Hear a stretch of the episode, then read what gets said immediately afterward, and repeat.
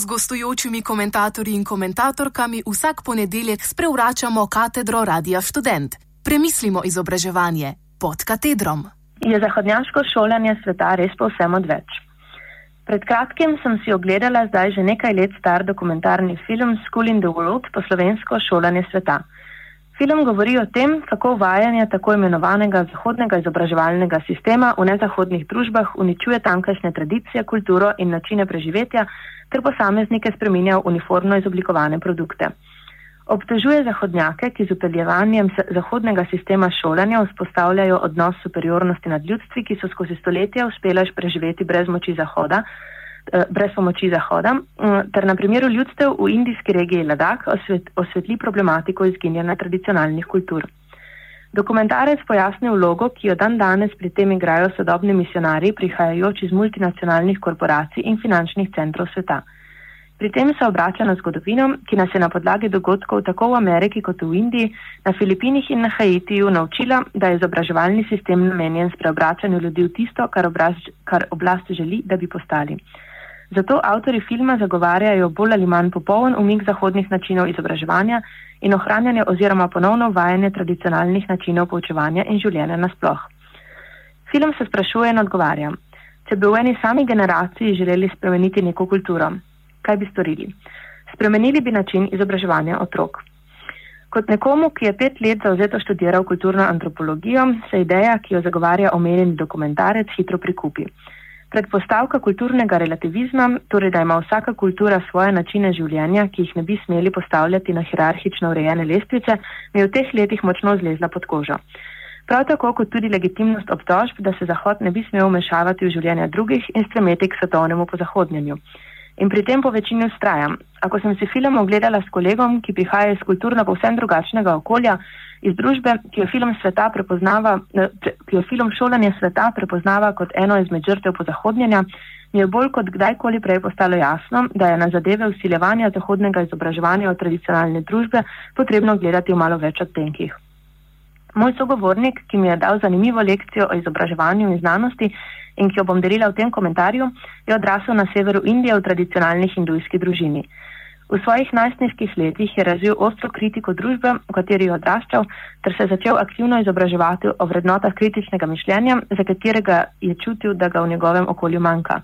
Kot študentu fizike so se mu še posebej priljubili skeptični misleci. Pri 22 se je odločil za doktorski študij v Evropi in takrat pobliže začel spoznavati, kaj zares pomeni kulturni relativizem, ter kaj pomeni biti sposoben oddaliti se tako od kulture, v kateri je bil vzgojen, kot od kulture, v katero se je priselil. Zgodbo začne s s kolonizacijo Indije v 15. stoletju. Tedajni zahodni zavojevalci so menili, da gredo osvajati manj razvita območja, ki si jih bodo lahko podredili v vseh mogočih pogledih. Od religije do gospodarske nadvlade pa do spreminjanja njihovega mišljenja. Ideja izobraževanja je služila namenu indoktrinacije ljudstva, s katero bi dosegli, da bo ljudstvo pripravljeno delati v korist tujcev na mesto v lastno korist. Izobraževanje torej ni bilo namenjeno širjenju znanja, temveč discipliniranju ter podrejanju koloniziranih ljudstev skozi proces posredovanja le tistih veden, ki bi omogočila preprostejše zavojevanje in kolikor mogoče omejila opore proti oblasti. Predtem se je večina prebivalstva ukvarjala s kmetovanjem in le nekateri sloji družbe so se ukvarjali z znanostjo, filozofijo in zgodovino. Podobno kot na Zahodu so ta znanja tudi tu pogosto ostajala znotraj izobraženskih krogov, v primeru Indije med brahmani. Kolonizirana ljudstva so ob prihodu zahodnjakov občutila manj vrednost in izgubo lastne identitete, saj so začela izgubljati kulturo in tradicije, vključno z načini izobraževanja. Zgodba se je nadaljevala skozi stoletja vse do danes.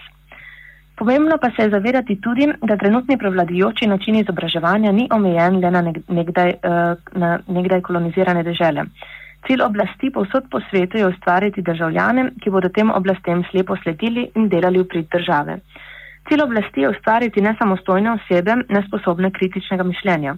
To se najbolj odraža prav v izobraževalnem sistemu, kjer se otroke uči, da je treba slediti čredi. Drugačni učenci so slabi učenci. Do tu se je pripoved mojega sogovornika skladala zgodbo filma. Na to pa je zavila na pot, ki je dokumentarec šolanje sveta ni upošteval, namreč pomembne vloge znanosti za splošen napredek, kot tudi za razvoj kritičnega mišljenja, ki spodbuja opor. Znanost je postala posebej pomembna v dobi industrializacije, ko je začela ustvarjati dobiček. Od tedaj so oblasti zainteresirane za izrabljanje znanosti za pridobitniške in geopolitične namene. Pa vendar to ne pomeni, da znanstvenike kot posameznike žene želja po zaslužku ali politični prevladi. V mnogih primerjih jih žene gola radovednost in želja po spoznavanju neodkritega. In če nova spoznanja vzpostavijo kritičen odnos do preteklih, s tem ni nič narobe. Znanost, v nasprotju z izobrazbo, katere cilj je indoktrinacija, ne pozna oblasti, ki bi za svoje ugotovitve morala odgovarjati. Dalje, zelo pomembno je povdariti, da znanost ni nekaj, kar bi lahko definirali kot zahodno. Noben znanstvenik se ne bo definiral kot zahodni znanstvenik. Znanost je rasla med Grki in Arabci, med Indici in Egipčani. Znanstveniki dan danes sodelujejo, ne glede na to, odkje prihajajo in kakšne prepričanja imajo. Ideje, ki jih znanost širi, morajo biti ocenjene glede na kvaliteto, ne glede na to, odkot prihajajo. Reči nečemu ne, samo zato, ker prihaja z zahoda, je pretirano. Pomembno je kritično oceniti, kaj bo neki družbi koristilo in kako bi to lahko prilagodili nekemu načinu življenja, ni pa potrebno zavrniti vsega. Film Šolanje sveta zelo pomankljivo omenja morebitne tegobe, ki, ki pestijo obravnavano ljudstvo na severu Indije. Kakšni so odnosi med moškimi in ženskami, kakšno je stanje zdravstvene oskrbe, kolikšna je smrtnost žensk in otrok ob porodu. Težko si je razložiti, zakaj bi uvajanje nekaterih tako imenovanih zahodnih vidikov na teh področjih ljudem škodovalo. Znanost namreč niso le materialni produkti, temveč sposobnost kritičnega mišljenja, ki je bila skozi zgodovino in je še danes prisotna vse posod, ne le na Zahodu. Romantiziranje starodavnih znanj je dobrodošlo pri ohranjanju tradicij, ne pa tudi, ko gre za izboljšanje splošnih pogojev bivanja ali naprimer priznavanja človekovih pravic, enakopravnosti med spoli ter sprejemanje istospolno usmerjenih. Pomembno je razlikovati med napredkom znanosti, političnimi in družbenimi spremembami, ki so mnogim omogočili boljše življenje, ter korporativističnimi in kapitalističnimi nameni. Procesi izobraževanja bi vsekakor morali biti dekolonizirani, ne pa nujno tudi odzahodnjeni. In ti procesi bi morali biti dekolonizirani ne le v nekdanjih kolonijah, temveč tudi na Zahodu. Večina zahodnih načinov izobraževanja je problematičnih, s tem se verjetno strinjamo vsi. Vendar to ne pomeni, da se posamezniki ne morejo osvoboditi in kritično razmisliti ter oceniti svojo situacijo.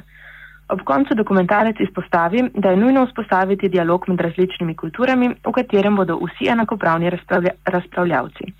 To je seveda še kako zaželjeno, vendar le, ko bodo vsi upleteni sposobni ne le kritične refleksije na prakse drugih, temveč tudi samo refleksije. Komentar se marsikomu najbrž zdi etno in znanost centričen, pa verjetno v mnogih pogledih tudi utopičen. Predaleč bi šli, če bi trdili, da zahodni centri moči nimajo kapitalističnih in geopolitičnih interesov v drugih predeljih sveta, ali pa če bi trdili, da so vsi znanstveniki zanesenjaki, ki jih dobiček ne zanima. Pa vendar gremo predaleč tudi, če trdimo, da zahodni način izobraževanja ustvarja zgolj sebične, nepoštene, depresivne, zadrugirane, nemoralne posameznike, ki niso sposobni razmišljanja izven okvirov sistema, ki ga zagovarja oblast. In rešitev? Verjetno precej utopič, utopično upanje, da bomo ljudje nekoč sposobni razširiti občutek pripadnosti prek meja našega plemena, naroda ali religije, ter tako bili sposobni izmenjati vrednote, ki bodo v dobro vsem, ne glede na to, z katerega konca sveta prihajajo. Komentar sem pripravila, Meta Gorup.